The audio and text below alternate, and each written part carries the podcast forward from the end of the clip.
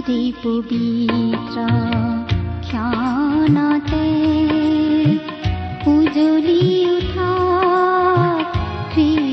জ্যোতি ভক্তিবচন অনুষ্ঠানৰ আজিৰ এই কাৰ্যসূচীলৈ সাদৰ সম্ভাষণেৰে আপোনাক আদৰিছো প্ৰিয় শ্ৰোতা। প্ৰিয় শ্ৰোতা ভক্তিবচন অনুষ্ঠানৰ আজিৰ এই শিক্ষা শুনিবলৈ আপোনাৰ বহুমূলীয়া সময় খৰচ কৰাৰ বাবে ধন্যবাদ। আপুনি খৰচ কৰা এই সময়খিনিত আপুনি জীৱনৰ এক বিশেষ আশীৰ্বাদ লাভ কৰিব বুলি বিশ্বাস কৰোঁ। আজিৰ এই অনুষ্ঠানে নিশ্চয় আপোনাক জীৱনৰ তৃপ্তি দান কৰিব। এই অনুষ্ঠানৰ শিক্ষাসমূহে আপোনাক আম্মিক আৰু পাৰিবাৰিক সকলো অৱস্থাতে সহায় কৰিব বুলি আশা কৰিছো। আমাৰ বিশ্বাস প্ৰভু যীশুৰ বাণীসমূহে আপোনাক প্ৰচুৰ জীৱনৰ সোৱাদ দিব পাৰে। তেওঁৰ বাক্যই আপোনাক জীৱনৰ সকলো পৰিস্থিতিত থিৰে থাকিবলৈ আৰু উন্নতিৰ পথেৰে অগ্ৰসৰ হবলৈ সহায় কৰিব। ঈশ্বৰৰ এই বাক্যৰে আপুনি যেন প্ৰতিদিন আম্মিকভাৱে অধিক বলৱান আৰু পাৰিবাৰিক শান্তিৰ জীৱন যাপন কৰিব পাৰে তাৰেই কামনা কৰিছো। এই কামনাৰে আপোনালৈ আগবঢ়াইছো বাইবেলৰ শিক্ষামূলক অনুষ্ঠান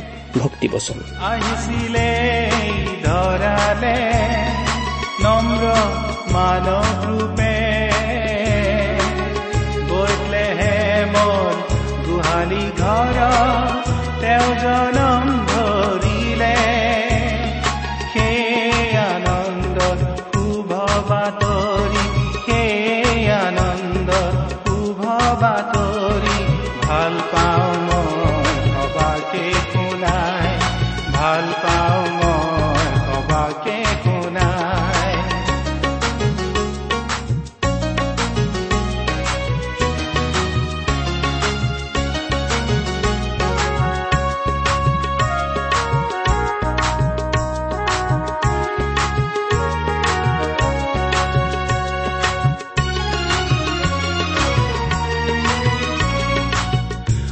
পাপৰ গধুৰ বুজাব তেওঁ কান্ধতে লৈ ক্ৰুচৰ ওপৰত প্ৰাণৰ পিলে আমাৰ জীৱন দিবলৈ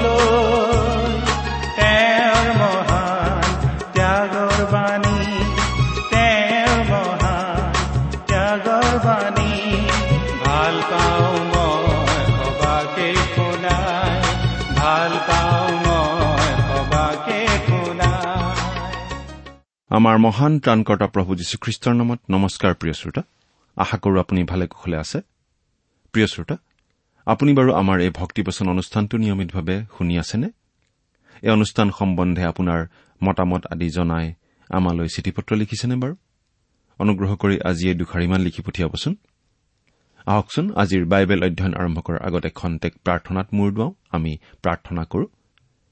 স্বৰ্গত থকা অসীম দয়ালু কৰুণাময় পিতা তোমাৰ তুলনা নাই তোমাৰ প্ৰেম তোমাৰ কৰুণা তোমাৰ অনুগ্ৰহৰ কথা আমি বৰ্ণনা কৰি শেষ কৰিব নোৱাৰো।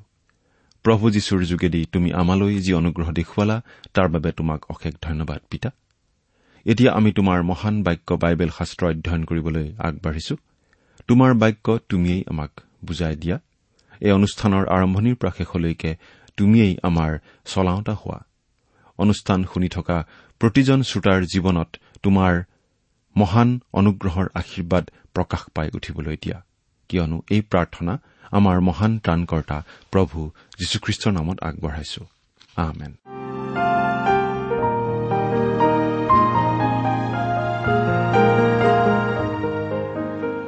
প্ৰিয় শ্ৰোতা আপুনি বাৰু আমাৰ আগৰ অনুষ্ঠানটো শুনিছিল নে আমি বাৰু কি আলোচনা কৰিছিলো আপোনাৰ মনত আছেনে? আপুনি যদিহে আমাৰ এই অনুষ্ঠানটো নিয়মিতভাৱে শুনি আছে তেনেহলে আপুনি নিশ্চয় জানে যে আমি এতিয়া বাইবেলৰ পুৰণি নিয়ম খণ্ডৰ জিৰিমিয়া ভাৱবাদীৰ পুস্তকখন অধ্যয়ন কৰি আছো। নহয় জানো? যোৱা অনুষ্ঠানত আমি এই জিৰিমিয়া ভাৱবাদীৰ পুস্তকখনৰ চৈধ্য পোন্ধৰ ষোল্ল আৰু সোতৰ নম্বৰ অধ্যায়ৰ আলোচনা আগবঢ়াইছিলো। গতিকে আজিৰ অনুষ্ঠানত আমি এই জিৰিমিয়া ভাৱবাদীৰ পুস্তকখনৰ ওঠৰ নম্বৰ অধ্যায়ৰ এক নম্বৰ পদৰ পৰাই আমাৰ আলোচনা আগবঢ়াই নিব খুজিছো। আমাৰ এই অনুষ্ঠানটো বাইবেল অধ্যয়নৰ অনুষ্ঠান। গতিকে এই অনুষ্ঠানটো শুনাৰ সময়ত লগত বাইবেলখন লৈ ললে বৰ ভাল হয়। আপুনি আপোনাৰ বাইবেলখন মেলি লৈছেনে বাৰু? এতিয়া আহক আমি অধ্যয়নৰ পিনে আগবাঢ়ো। জিৰিমিয়া ভাৱবাদীৰ পুস্তকখন ভাৱবাদীমূলক পুস্তক।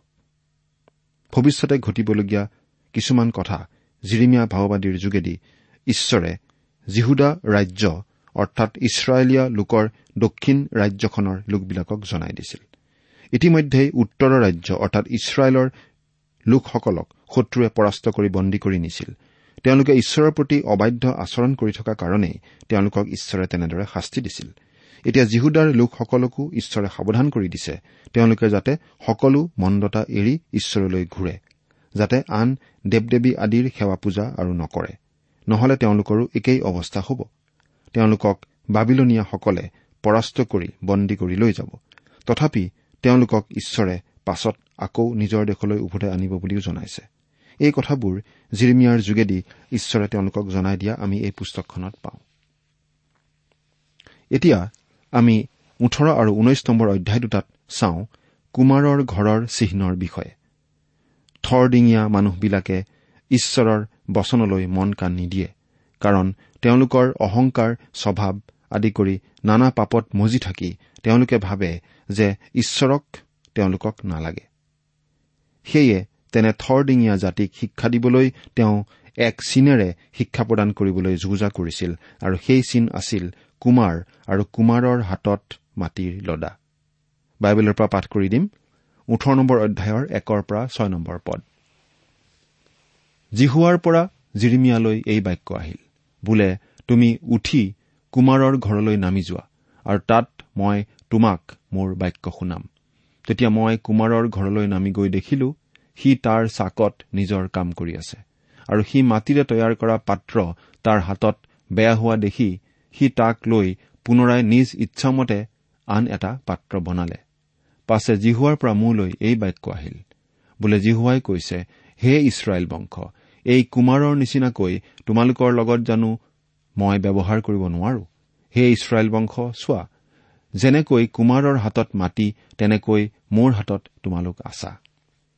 ঈশ্বৰ জিহুৱাই জিৰিমিয়াক কুমাৰৰ ঘৰলৈ নি মাটিৰ লদাবোৰক লৈ কুমাৰে কেনেকৈ নিজৰ ইচ্ছাৰ দৰে তেওঁৰ পাত্ৰ তৈয়াৰ কৰা চকাত লৈ পাত্ৰসমূহ তৈয়াৰ কৰে তাকে চাবলৈ পৰামৰ্শ দিছে আৰু জিৰিমিয়াই কুমাৰৰ ঘৰলৈ গৈ কুমাৰে কৰা কাৰ্যবোৰ নিৰীক্ষণ কৰি থাকোতে ঈশ্বৰে জিৰিমিয়াক জানিবলৈ দিছিল যে মাটিৰ লদাবোৰক লৈ কুমাৰে যেনেকৈ ব্যৱহাৰ কৰিছিল ঠিক তেনেকৈ ঈশ্বৰেও মানুহক লৈ ব্যৱহাৰ কৰিব পাৰে।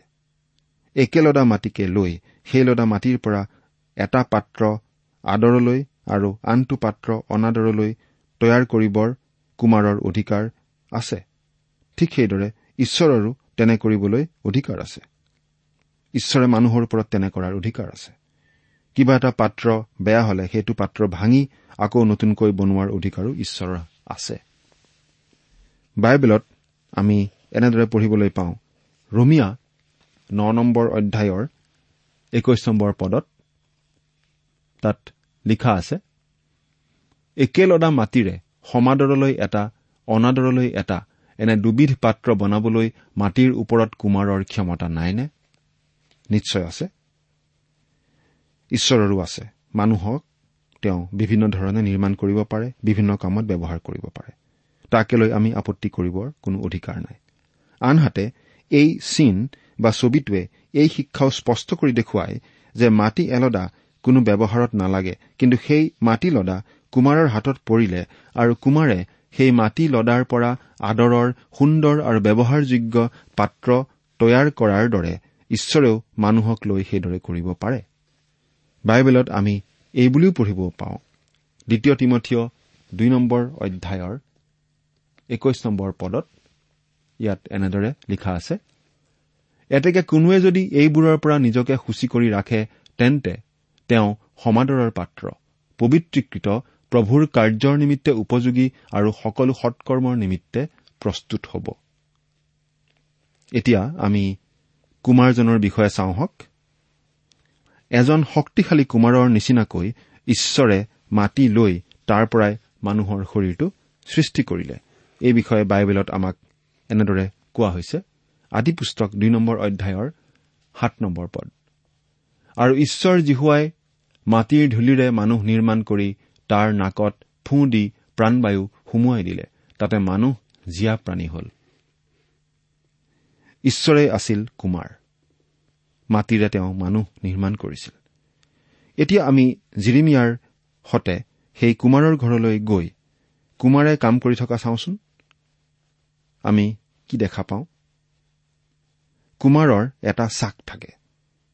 এটা চকৰি থাকে। তেওঁ সেইটো মাজে মাজে হাতেৰে ঘূৰাই দিয়ে। সেই চাকটো ঘূৰি থাকোতে তেওঁ হাতেৰে অতি নিপুণভাৱে মাটিৰ লদাৰ পৰা নিজৰ পচন্দমতে কিবা কিবি নিৰ্মাণ কৰে। গতিকে প্ৰথম কথাটো মন কৰক ঈশ্বৰ সাৰ্বভৌম। কুমাৰজনেই সকলো অৰ্থাৎ সেই কুমাৰজনৰ হাততেই সকলো ক্ষমতা আছে। মাটিৰ লদাটোক তেওঁ যি ইচ্ছা তাকেই কৰিব পাৰে। কোনো মাটিৰ লদাই কুমাৰজনক প্ৰশ্ন কৰিব নোৱাৰে। তেওঁৰ কৰ্তৃত্বক প্ৰত্যাহান জনাবও নোৱাৰে। কোনো মাটিৰ লদাই কুমাৰজনৰ আঁচনি সলনি কৰিব নোৱাৰে। কুমাৰজনক নাই নহব বুলি বাধা দিব নোৱাৰে। মাটিৰ লদাটোৱে কুমাৰজনক ওলোটাই কথা কব নোৱাৰে। সেই কুমাৰজনে কাম কৰি শেষ কৰাৰ আগতে মাটিৰ লদাটো উঠি গুচি যাবও নোৱাৰে। মুঠতে মাটিৰ লদাটোৱে একো কৰিব নোৱাৰে। কুমাৰৰ ওচৰত নিজকে সম্পূৰ্ণ বাধ্যতাৰে এৰি দিয়াৰ বাহিৰে সি একো কৰিব নোৱাৰে। আমি ঈশ্বৰৰ সাৰ্বভৌমত্বৰ ইয়াতকৈ ভাল ছবি আৰু আন কতো পোৱা নাই। মানুহ হৈছে কুমাৰৰ চাকৰ সেই মাটিৰ লদা আৰু ঈশ্বৰ হৈছে সেই কুমাৰ।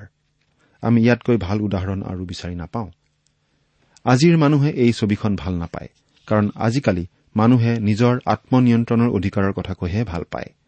আজি মানুহে স্বাধীনতাৰ কথা কয় সকলো ধৰণৰ স্বাধীনতা বিচাৰে। কিন্তু আমি নিজৰ অধিকাৰৰ কথা ইমান কওঁ কিন্তু ঈশ্বৰৰ অধিকাৰৰ কথা আমি পাহৰি যাওঁ। ঈশ্বৰৰ যি অধিকাৰ যি কৰ্তৃত্ব সেই কথা আমি মনত পেলোৱা উচিত। তেওঁৰ সেই অধিকাৰ কোনেও সলনি কৰিব নোৱাৰে কোনেও কাঢ়ি নিবও নোৱাৰে। এই বিশ্ব ব্ৰহ্মাণ্ডখন তেওঁ নিজৰ খুচিমতে গঢ়িব পাৰে ভাঙিবও পাৰে। নিয়ন্ত্ৰণ কৰিব পাৰে আৰু কৰে। আমি বাস কৰা এই সৰু পৃথিৱীখন তেওঁ নিজৰ পচন্দমতে নিজৰ সুবিধা অনুসৰি সজাব পাৰে আৰু আমি ক্ষুদ্ৰ নগণ্য মানুহবোৰ তেওঁৰ হাতৰ মাটিৰ লদাতকৈ বেছি একো নহওঁ। ঈশ্বৰে তেওঁৰ পৰিকল্পনা মতে তেওঁৰ ইচ্ছামতে কাম কৰি যায় আৰু তেওঁ কাকো একো উত্তৰ দিব নালাগে। তেওঁক নিয়ন্ত্ৰণ কৰিবলৈ কোনো বৰ্ড অব গভৰ্ণৰ নাই কোনো ডিৰেক্টৰ নাই। মানুহে ভোট দি তেওঁক নিৰ্বাচন নকৰে। তেওঁ সাৰ্বভৌম আৰু চূড়ান্ত ক্ষমতাৰ অধিকাৰী তেওঁ ঈশ্বৰ। আমি এনে এখন বিশ্ব ব্ৰহ্মাণ্ডত বাস কৰি আছো যিখন ঈশ্বৰক সন্তুষ্ট কৰিবলৈকে তেওঁৰ নিয়ন্ত্ৰণ মতে চলি আছে। আৰু আমাৰ দৰে ক্ষুদ্ৰ মানুহৰ বিদ্ৰোহ ঈশ্বৰৰ দৃষ্টিত অতি নগণ্য। আমি ঈশ্বৰৰ পৰিকল্পনাৰ সামান্য বিন্দু এটাও লৰচৰ কৰিব নোৱাৰো। এতিয়া আমি চাওঁ মাটিৰ লদাখিনিৰ ব্যক্তিত্বৰ কথা। মাটিৰ লদা বা বোকাখিনিৰ বৈশিষ্ট্য বাৰু কি? ই আকাৰবিহীন জীৱনবিহীন একো উদ্দেশ্য নথকা নিৰ্জীৱ অসহায় আৰু অতি খেলি মেলি অৱস্থাৰ ছবি। গীত এনেদৰে কৈছে কিয়নো তেওঁৱেই আমাৰ গঠন জানে আমি যে ধূলি মাথোন তাক তেওঁ সোঁৱৰণ কৰে। এৰা আমি ধূলি মাথোন এজন ব্যক্তিয়ে মন্তব্য কৰিছিল। মানুহ যে ধূলি মাটি মাথোন সেই কথা ঈশ্বৰে মনত ৰাখে। কিন্তু সেই কথা মানুহে হলে প্ৰায়েই পাহৰি যায় আৰু নিজতেই নিজে আঠা লাগি ধৰি বোকা হৈ পৰে। এৰা আমি পাহৰি গলেও ঈশ্বৰে কিন্তু সদায় মনত ৰাখে যে আমি ধূলিকণা মাত্ৰ। কুমাৰৰ ঘৰৰ বোকাখিনিৰ কোনো ইচ্ছা নাই কোনো অধিকাৰ নাই কোনো সামৰ্থ্য নাই। সেই বোকা অসহায় আৰু আশাহীন। শাস্ত্ৰটো আচলতে মানুহৰ এই অসহায় অৱস্থাটোৰ কথাই বাৰে বাৰে কোৱা হৈছে। ইফিচিয়া দুই নম্বৰ অধ্যায়ৰ এক নম্বৰ পদত আমি এনেদৰে পঢ়িবলৈ পাওঁ আৰু যেতিয়া তোমালোক তোমালোকৰ অপৰাধ আৰু পাপবোৰত মৰি আছিলা তেতিয়া তোমালোকক ঈশ্বৰে জীয়ালে। আকৌ ইফিচিয়া দুই নম্বৰ অধ্যায়ৰে বাৰ নম্বৰ পদত আমি এনেদৰে পঢ়িবলৈ পাওঁ তোমালোকে যে সেই আগৰ কালত খ্ৰীষ্টৰ পৰা পৃথক ইছৰাইল ৰাজ্যৰ বাহিৰ অংগীকাৰযুক্ত নিয়মবোৰৰ অসম্পৰ্কীয় আশাহীন আৰু ঈশ্বৰহীন হৈ এই জগতত আছিলা ইয়াক সোঁৱৰা। কুমাৰৰ চাকত থকা বোকাখিনিৰ অৱস্থা তাতকৈ বেলেগ নহয়। আকৌ ৰুমিয়া পাঁচ নম্বৰ অধ্যায়ৰ ছয় নম্বৰ পদত আমি এনেদৰে পঢ়িবলৈ পাওঁ কিয়নো ইতিপূৰ্বে যেতিয়া আমি দুৰ্বল আছিলো তেতিয়া খ্ৰীষ্টে উপযুক্ত সময়ত ঈশ্বৰ ভক্তিহীনবিলাকৰ নিমিত্তে আপোন প্ৰাণ দিলে। আমি এই কথা মনত ৰখা উচিত যে আমাৰ ঈশ্বৰ সৰ্বশক্তিমান সাৰ্বভৌম ঈশ্বৰ আৰু আমি তেওঁৰ হাতত থকা এলদা বোকামাটিৰ নিচিনা। আমি অপৰাধ আৰু পাপতেই মৰি আছিলো শক্তিহীন হিচাপে। শক্তিৰ অধিকাৰী ঈশ্বৰেহে আমাক জীয়ালে। তেওঁহে শক্তিৰ অধিকাৰী কাৰণ তেওঁ কুমাৰ। ৰুমিয়া ন অধ্যায় ষোল্ল নম্বৰ পদত আমি এনেদৰে পঢ়িবলৈ পাওঁ। এতেকে এইয়ে ইচ্ছা কৰা বা দৌৰ মৰাজনৰ পৰা নহয় কিন্তু দয়াকাৰী ঈশ্বৰৰ পৰাহে হয়। ঈশ্বৰৰ হাততহে গোটেই নিয়ন্ত্ৰণ আছে। ঈশ্বৰৰ ওপৰত আমাৰ আচলতে একো অধিকাৰেই নাই। কিয়নো তেওঁ মুচিক কৈছিল মই যিজনক দয়া কৰো তেওঁকেই দয়া কৰিম আৰু যিজনক কৃপা কৰো তেওঁকেই কৃপা কৰিম। ৰুমিয়া ন নম্বৰ অধ্যায়ৰ পোন্ধৰ নম্বৰ পদ। মুচিয়ে যেতিয়া ঈশ্বৰৰ আগত নিবেদন জনাইছিল তেতিয়া ঈশ্বৰে তেওঁক কৈছিল মুচি মই তোমাৰ প্ৰাৰ্থনা শুনিম আৰু উত্তৰ দিম। কিন্তু তুমি মুচি কাৰণে তোমাৰ প্ৰাৰ্থনা শুনিম এনে নহয়? মই তোমাৰ প্ৰাৰ্থনা শুনিম কাৰণ মই কৰোণাময়। সেইকাৰণেই ঈশ্বৰে মুচিৰ প্ৰাৰ্থনা শুনিছিল। কোনো মানুহকেই পৰিত্ৰাণ দিবলৈ ঈশ্বৰ বাধ্য নহয়। ঈশ্বৰে যি মন যায় তাকে কৰিব পাৰে। তেওঁ ধাৰ্মিক ন্যায়বান আৰু পবিত্ৰ। এই জগতখন মন্দ আৰু হেৰাই যোৱা জগত। জগতখন এনেদৰেই থাকি যাব পাৰে। কোনেও সেই বিষয়ে একো প্ৰশ্ন তুলিব নোৱাৰে। জগতখন ভাল কৰিবলৈও আচলতে ঈশ্বৰ দায়বদ্ধ নহয়। এতিয়া বিপৰীত দিশটো চাওকচোন। আমি এতিয়া বোকা মাটিৰ ক্ষমতা আৰু কুমাৰৰ ব্যক্তিত্বৰ কথা চাওঁ হওক। আনটো দিশ কি? কুমাৰজনৰ হাতত পাত্ৰটো বেয়া হোৱা কাৰণে তেওঁ সেইটো ভাঙি আকৌ নতুনকৈ গঢ়ে। তেওঁৰ পচন্দ মতে তেওঁ নতুনকৈ গঢ়ে। ইয়াত আমি ঈশ্বৰৰ সাৰ্বভৌম কৰ্তৃত্ব আৰু অধিকাৰৰ কথা পাওঁ কিন্তু লগতে এটা উদ্দেশ্যৰ কথাও পাওঁ। বোকামাটিৰ ক্ষমতা। বোকামাটিখিনি কুমাৰৰ চাকত আছে। কুমাৰৰ চাকটো পৰিৱেশ পৰিস্থিতিৰ চকা। জীৱনত আমি নানা ধৰণৰ পৰিস্থিতিৰ সন্মুখীন হওঁ। আৰু সেইবোৰৰ যোগেদি ঈশ্বৰে আমাক গঢ় দিয়ে। জীৱনৰ ঘাট প্ৰতিঘাত আদিৰ যোগেদি কুমাৰৰূপী ঈশ্বৰে মাটিৰূপী মানুহৰ জীৱন গঢ়ে। প্ৰিয় শ্ৰোতা তেনেদৰেই ঈশ্বৰে আপোনাক মোক গঢ় দিয়ে। আমি আজি যিখন জগতত বাস কৰো সেই জগতখনৰ একো উদ্দেশ্য একো লক্ষ্য নাই বুলি বহুতে ভাবে আৰু অনুভৱ কৰে। কিন্তু এই জীৱনৰ বিভিন্ন পৰিস্থিতি আচলতে ঈশ্বৰে নিয়ন্ত্ৰণ কৰি আছে আৰু সেইবোৰৰ একোটা উদ্দেশ্য আছে। আমি যদি এতিয়া কুমাৰৰ চাকৰ পৰা দৃষ্টি আঁতৰাই কুমাৰে সজাই থোৱা বাচন বৰ্তনবোৰলৈ চাওঁ তেতিয়া বাৰু কি দেখা পাওঁ? কুমাৰজনে যত্ন কৰি তৈয়াৰ কৰি সজাই থোৱা বিভিন্ন পাত্ৰবোৰ আমি দেখিবলৈ পাওঁ। সেই ধুনীয়া ধুনীয়া পাত্ৰবোৰ এদিন কুমাৰৰ সেই চকৰিত আছিল। সেই চকৰিত কুমাৰৰ হাতত নিজকে এৰি দিয়া বোকামাটি আছিল। এসময়ত সেই পাত্ৰবোৰৰ কোনো আকৃতি নোহোৱা আছিল। সেইবোৰ আছিল বোকা। কিন্তু কি ঘটিল? সেই বোকামাটিখিনিক কুমাৰে জীৱনৰ বিভিন্ন পৰিস্থিতিৰূপী চকৰিত ঘূৰাই গঢ় দি বৰ্তমানৰ এই সুন্দৰ ৰূপলৈ পৰিৱৰ্তিত কৰিলে। প্ৰিয় শ্ৰোতা কুমাৰে গঢ়াৰ নিচিনাকৈ ঈশ্বৰে আমাকো সুন্দৰভাৱে গঢ়িবলৈ বিচাৰে। কিন্তু কুমাৰে বিচাৰে বোকা মাটি লোহাৰ দৰে টান মাটি হোৱাটো নিবিচাৰে। কুমাৰে বিচাৰে বোকা মাটি। সেই পাত্ৰ গঢ়িবলৈ। তেওঁ তেলো নিবিচাৰে শিলো নিবিচাৰে তেওঁ বোকাহে বিচাৰে। তেওঁ বোকা বিচাৰে যাতে সেই বোকা হাতত লৈ তেওঁ নিজৰ পচন্দ মতে তাক গঢ় দিব পাৰে। তেওঁ আজি আমাকো তেনে ৰূপতেই বিচাৰে কোমল নমনীয় ৰূপত তেওঁৰ প্ৰতি বাধ্য ৰূপত যাতে আমাক তেওঁ গঢ় দিব পাৰে। প্ৰিয় শ্ৰোতা কুমাৰৰ চকৰিত থকা সেই মাটিৰ লদাটোৰ আচলতে কোনো মন নাই কিন্তু আমাৰ আছে। সেই মাটিৰ লদাটোৱে কুমাৰৰ সৈতে সহযোগিতা কৰিব নোৱাৰে কিন্তু আমি পাৰো। ঈশ্বৰে মানুহ সৃষ্টি কৰিছিল নিজৰ সাদৃশ্যৰে। তেওঁ মাটিৰে মানুহৰ শৰীৰ নিৰ্মাণ কৰিলে আৰু নাকেৰে প্ৰাণবায়ু সুমুৱাই দি মানুহক জীয়া প্ৰাণী কৰিলে। আজি মানুহৰ এটা স্বাধীন মন আছে। সেই স্বাধীন মন মানুহে ব্যৱহাৰ কৰিব পাৰে। বোকা মাটিৰ কিন্তু কোনো মন নাই কোনো ইচ্ছা নাই কিন্তু আমাৰ মন আছে আমাৰ ইচ্ছা আছে আমি কুমাৰ অৰ্থাৎ আমাৰ সৃষ্টিকৰ্তা ঈশ্বৰৰ সৈতে সহযোগ কৰিব পাৰো। এতিয়া আমি আচলতে কুমাৰক প্ৰশ্ন সুধিব পাৰো মোক তোমাৰ চকৰিত উঠোৱাৰ উদ্দেশ্য কি? তুমি মোক লৈ কিয় ইমান কাম কৰি থাকা? মোক তুমি কিয় গঢ় দি থাকা? আমি তেনেদৰে প্ৰশ্ন সুধি জানিব পাৰো যে কুমাৰজনৰ এটা উদ্দেশ্য আছে। সেই উদ্দেশ্যটো জনা অতি প্ৰয়োজন। কুমাৰজনে অতি মনোযোগেৰে অতি কষ্টেৰে কাম কৰে। তেওঁ নিষ্ঠাপূৰ্ণভাৱে সেই কাম কৰে। তেওঁ বোকা মাটিৰে খেলা কৰা নাই। তেওঁ তেওঁৰ সকলো সময় প্ৰতিভা আৰু কৌশল খটুৱাই আছে সেই বোকা মাটিক সুন্দৰ পাত্ৰ হিচাপে গঢ় দিবলৈ। আমি আকৌ তিনি আৰু চাৰি নম্বৰ পদ দুটা চাওঁ হওক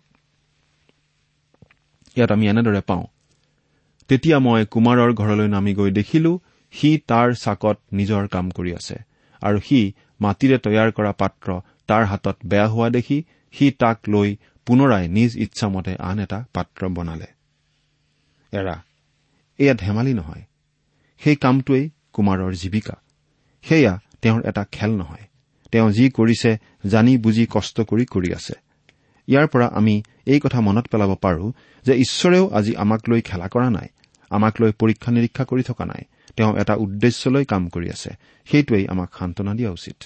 আমি এইটো কথা মনত ৰখা উচিত। এই বিশেষ নীতিটো আমি পালো যে সেই কুমাৰৰ এটা উদ্দেশ্য আছে। কুমাৰজনে বাৰু কি সাজিবগৈ? আমি ক'ব লাগিব আমি নাজানো বুলি। চাই থাকোচোন কুমাৰজনেনো কি কৰে এই বুলি আমি চাইহে থাকিব লাগিব। অৰ্থাৎ চাই থকা মানুহজনে ক'ব নোৱাৰে কুমাৰজনে কি কৰিব ধৰিছে। কুমাৰজনৰ উদ্দেশ্য দৰ্শক এজনে ভালদৰে গম পাব নোৱাৰে। কুমাৰজনৰ এটা উদ্দেশ্য আছে কিন্তু সেই উদ্দেশ্যটো বোকামাটিখিনিয়ে নাজানে। কিন্তু প্ৰিয় শ্ৰোতা আমি এদিন সকলো গম পাম। যেতিয়া আমি ঈশ্বৰৰ হাতত আছো যেতিয়া জীৱনৰ পৰিস্থিতিৰ চকৰিত আমাক ঘূৰাই ঘূৰাই ঈশ্বৰে গঢ় দি আছে তেওঁৰ এটা উদ্দেশ্য আছে। তেওঁ আমাৰ জীৱনত কিবা এটা কৰিব খুজিছে। কোনোবা এদিন আমি তেওঁৰ নিচিনা হ'ম। যিদিনা আমি তেওঁক মুখামুখি লগ পাম। এই বিষয়ে আমি পঢ়িবলৈ পাওঁ প্ৰথম জোহন তিনি অধ্যায় দুই নম্বৰ পদত। এদিন আমি তেনেকুৱা হ'মগৈ। সেয়া হ'ব নতুন দিন। সেইদিনা ঈশ্বৰৰ কথা সঁচা বুলি প্ৰমাণিত হ'ব। তেওঁ আমাৰ প্ৰতি যে নিষ্ঠুৰ ব্যৱহাৰ কৰা বুলি আমি ভাবিছিলো সেই ব্যৱহাৰৰ যে উদ্দেশ্য আছিল সেই কথা প্ৰমাণিত হ'ব। কোনোবা এটা গৌৰৱময় দিনত আমি গম পাম যে আমাৰ জীৱনক লৈ কুমাৰৰ এটা উদ্দেশ্য আছিল আৰু সেইমতেই তেওঁ কাম কৰি গৈছিল। এদিন ঈশ্বৰে আমাক প্ৰদৰ্শনীৰ বস্তু যেন কৰিব। আমি তেওঁৰ হাতৰ কাৰিকৰী আমাৰ জীৱনৰ যোগেদি তেওঁৰ গৌৰৱ মহিমা প্ৰকাশিত হ'ব নিৰ্জীৱ বোকামাটিক লৈ তেওঁ কি কৰিব পাৰে সেই কথা আমি এদিন সকলোৱেই দেখিম। সকলো গৌৰৱ তেওঁই পাব। সঁচাকৈয়ে পিতৃ ঈশ্বৰৰ হাতত এটি পাত্ৰ হবলৈ পোৱাটো অতি আনন্দৰ কথা নহয়নে বাৰু? কুমাৰজনৰ ব্যক্তিত্ব। এতিয়া আমি কুমাৰজনৰ ঘৰলৈ আকৌ এবাৰ চাব খুজিছো। কুমাৰজনে কাম কৰি আছে। অতি আলফুলে তেওঁ বোকামাটিখিনিক গঢ় দি আছে। আচলতে বোকামাটিখিনিক কষ্ট দিয়াটো তেওঁৰ উদ্দেশ্য নহয়। কুমাৰজনক আমি দেখা পাওঁ। কিন্তু ঈশ্বৰক আমি দেখা পাব নোৱাৰো। ফিলিপে প্ৰভু যীশুক সুধিছিল হে প্ৰভু পিতৃকে আমাক দেখুৱাওক সেয়ে আমালৈ যথেষ্ট। যীশুৱে কলে হে ফিলিপ মই তোমালোকৰ লগত ইমান দিন থকাটো তুমি মোক চিনা নাইনে? যিজনে মোক দেখিলে তেওঁ মোৰ পিতৃকেই দেখিলে। তেন্তে পিতৃক দেখুৱাওক বুলি কেনেকৈ কৈছা? জোহনে লিখা শুভবাৰ্তা চৈধ্য নম্বৰ অধ্যায়ৰ আঠ আৰু ন নম্বৰ পদ। কুমাৰজনৰ হাত ভৰিলৈ চাওকচোন। সেই হাত ভৰি ব্যৱহাৰ কৰি তেওঁ মাটিৰ লদাক গঢ় দি আছে। অতি আলফুলকৈ তেওঁ বোকা মাটিখিনিক গঢ় দি আছে। সেই হাত ভৰিত গজালৰ চিন। ক্ৰুচত আমাৰ পাপৰ প্ৰায়চিত্ৰ কৰিবলৈ নিজৰ প্ৰাণ দিয়া প্ৰভু যীশুৰ সেই হাত আৰু ভৰি। এতিয়া মুঠিয়ে লিখা শুভবাৰ্তা সাতাইছ নম্বৰ অধ্যায়ৰ তিনিৰ পৰা দহ নম্বৰ পদলৈকে পাঠ কৰি দিব খুজিছো। ইয়াত আমি এটা বিশেষ কথা পাওঁ। তেতিয়া তেওঁ শত্ৰুৰ হাতত সোধাই দিয়া যীহুদাই তেওঁৰ দণ্ডাজ্ঞা হোৱা দেখি মনত খেদ পাই প্ৰধান পুৰোহিত আৰু বৃদ্ধসকলক সেই ডেৰ কৰি ৰূপ উভতাই দি কলে নিৰ্দোষীৰ তেজ সোধাই দিয়াত মই পাপ কৰিলো। কিন্তু তেওঁলোকে কলে তাতনো আমাৰ কি কাম? তুমিয়েই তাক চাবা। তেতিয়া তেওঁ মন্দিৰৰ মাজত সেই ৰূপ পেলাই দি তাৰ পৰা গুচি গৈ নিজে নিজে ফাঁচি গ'ল। পাছে প্ৰধান পুৰোহিতসকলে সেই ৰূপ লৈ কলে ই তেজৰ মূল্য হোৱা হেতুকে ভঁৰালত থব নাপায়। তাতে তেওঁলোকে পৰামৰ্শ কৰি বিদেশীবিলাকক মৈদাম দিবলৈ তাৰে কুমাৰৰ মাটি কিনিলে। সেইকাৰণে আজিলৈকে সেই মাটিক তেজৰ মাটি বোলে। তেতিয়া জিৰিমীয়া ভাওবাদীৰ দ্বাৰাই যি বচন কোৱা হৈছিল বোলে ইছৰাইলৰ সন্তানৰ কোনো কোনোৱে যিজনৰ মূল্য নিৰূপণ কৰিলে সেই মূল্য নিৰূপণ কৰা জনৰ ডেৰ কৰি ৰূপ সিহঁতে লৈ প্ৰভুৱে মোক আদেশ দিয়াৰ দৰে কুমাৰৰ মাটিৰ নিমিত্তে দিলে। সেই বচন সিদ্ধ হল। তেওঁলোকে সেই কুমাৰৰ পথাৰখন তেজৰ পথাৰ বুলি কিয় কলে?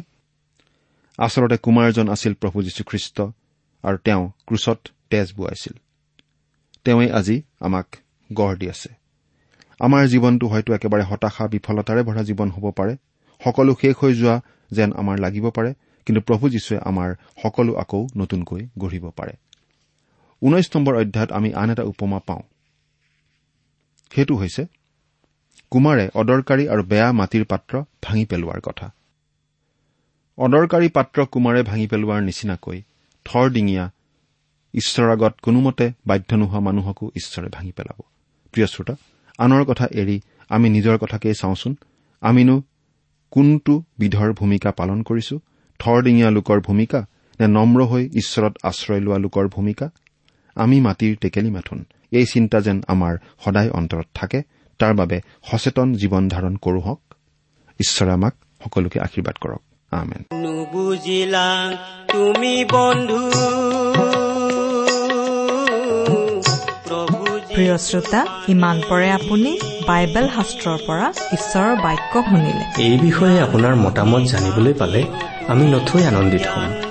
আমি প্ৰস্তুত কৰা বাইবেল অধ্যয়নৰ চিডিসমূহ পাব বিচাৰিলে আৰু অনুষ্ঠানত প্ৰচাৰ কৰা কোনো কথা বুজিব লগা থাকিলেও আমালৈ লিখক। আমাৰ যোগাযোগৰ ঠিকনা ভক্তিবচন ট্ৰান্সৱৰ্ল্ড ৰেডিঅ' ইণ্ডিয়া ডাক বাকচ নম্বৰ সাত শূন্য গুৱাহাটী সাত আঠ এক শূন্য শূন্য এক।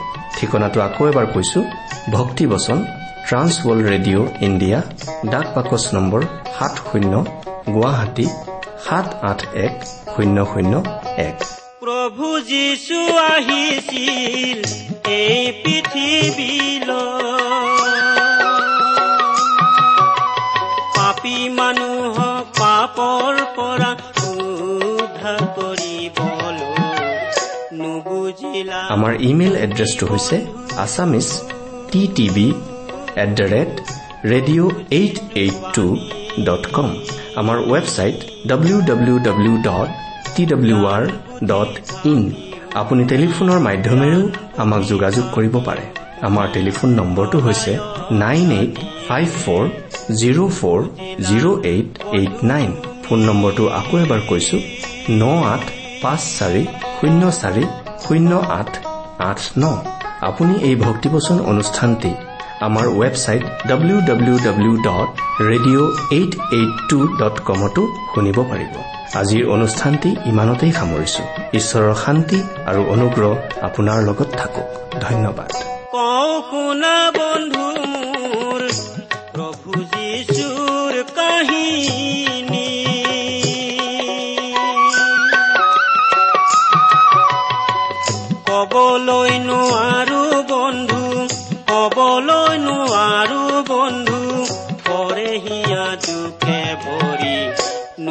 নুবুজিলা বন্ধু তুমি। প্ৰভু যীশুৰ বাণী।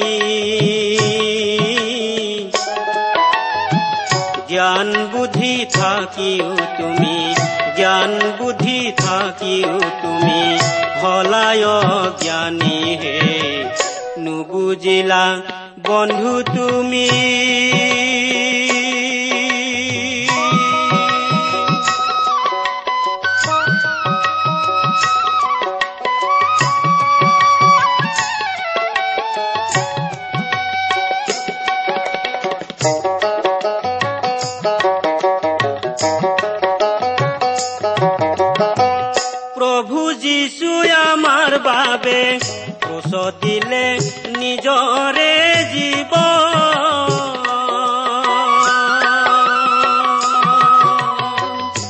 কত যে যাতনা ভুঞ্জিলে।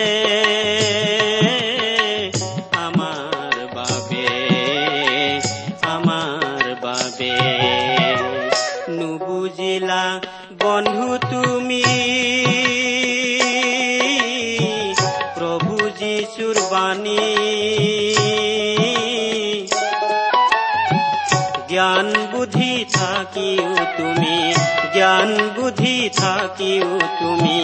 হলায় জ্ঞানী হে নুবুজিলা বন্ধু তুমি। নুবুজিলা